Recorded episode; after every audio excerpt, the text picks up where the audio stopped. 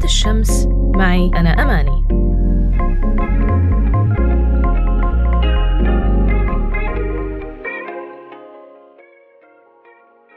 مرحبا. مع كل بداية حديث عن امرأة سورية من خلال فقرتنا بنات الشمس فكر قديش في نساء سوريات قدموا لهالبلد وقلال اللي بيعرفوهن أو حتى سمعوا عنهم.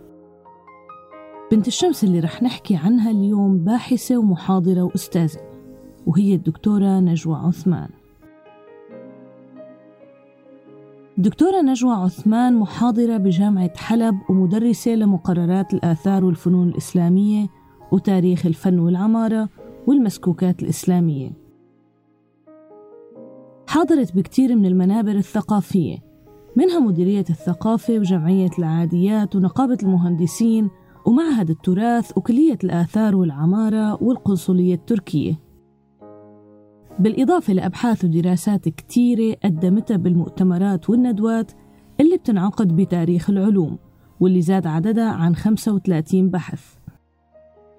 الدكتورة نجوى عثمان من مواليد مدينة الباب بحلب سنة 1954 حصلت على شهادة الهندسة المدنية من جامعة حلب وبعد ثلاث سنين اتجهت لدراسة التراث العربي الإسلامي والتحقت بمعهد التراث العلمي العربي بحلب.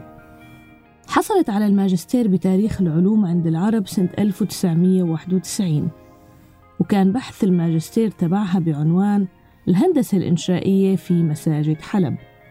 بعدها حصلت على درجة الدكتوراه بدراسة علمية بحثية وميدانية عملتها بمدينة القيروان بتونس وكان عنوانها دراسة مقارنة بين المساجد القديمة في حلب ومدينة القيروان في تونس.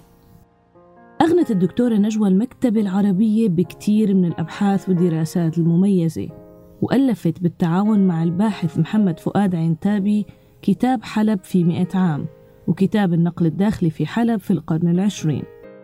من خلال تجوالها بمساجد حلب والقيروان واجهت الدكتورة نجوى مواقف طريفة هي المواقف جمعتها بكتاب سمته مكابدات لطيفة ومواقف طريفة.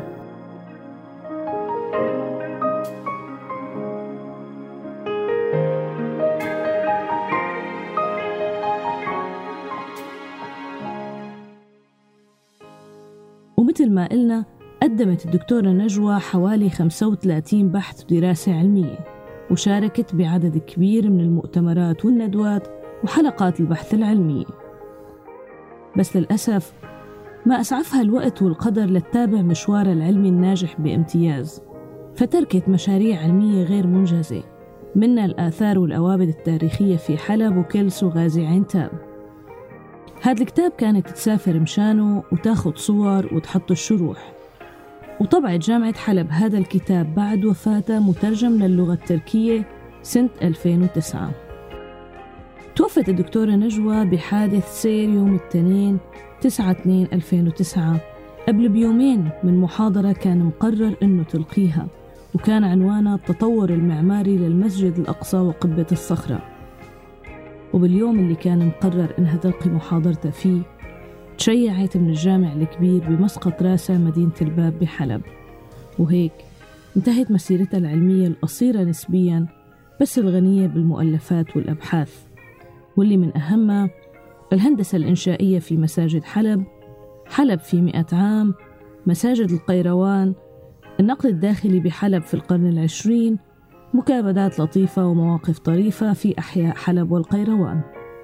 وبالإضافة لكتب تانية تركتها قيد التحرير ومنها الزوايا والمدارس الأثرية في القيروان تاريخ العمارة الإسلامية الرنوك على العمائر المملوكية في سوريا النقائش بمدينة حلب في العصر العثماني أبنية وشواهد قبور الآثار والأوابد التاريخية في حلب وكلس وغازي عنتاب.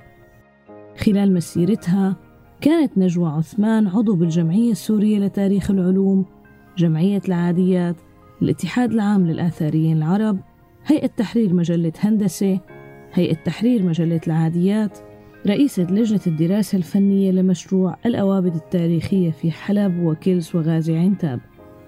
وهيك انتهت رحلة الباحثة والأستاذة الدكتورة نجوى عثمان بعد ما تركت لنا مراجع غنية بتتعلق بالفنون والهندسة الإسلامية بمدينة حلب. ولنشوف من خلال هالمراجع قديش قدمت الدكتورة عثمان لمدينتها ولبلدها.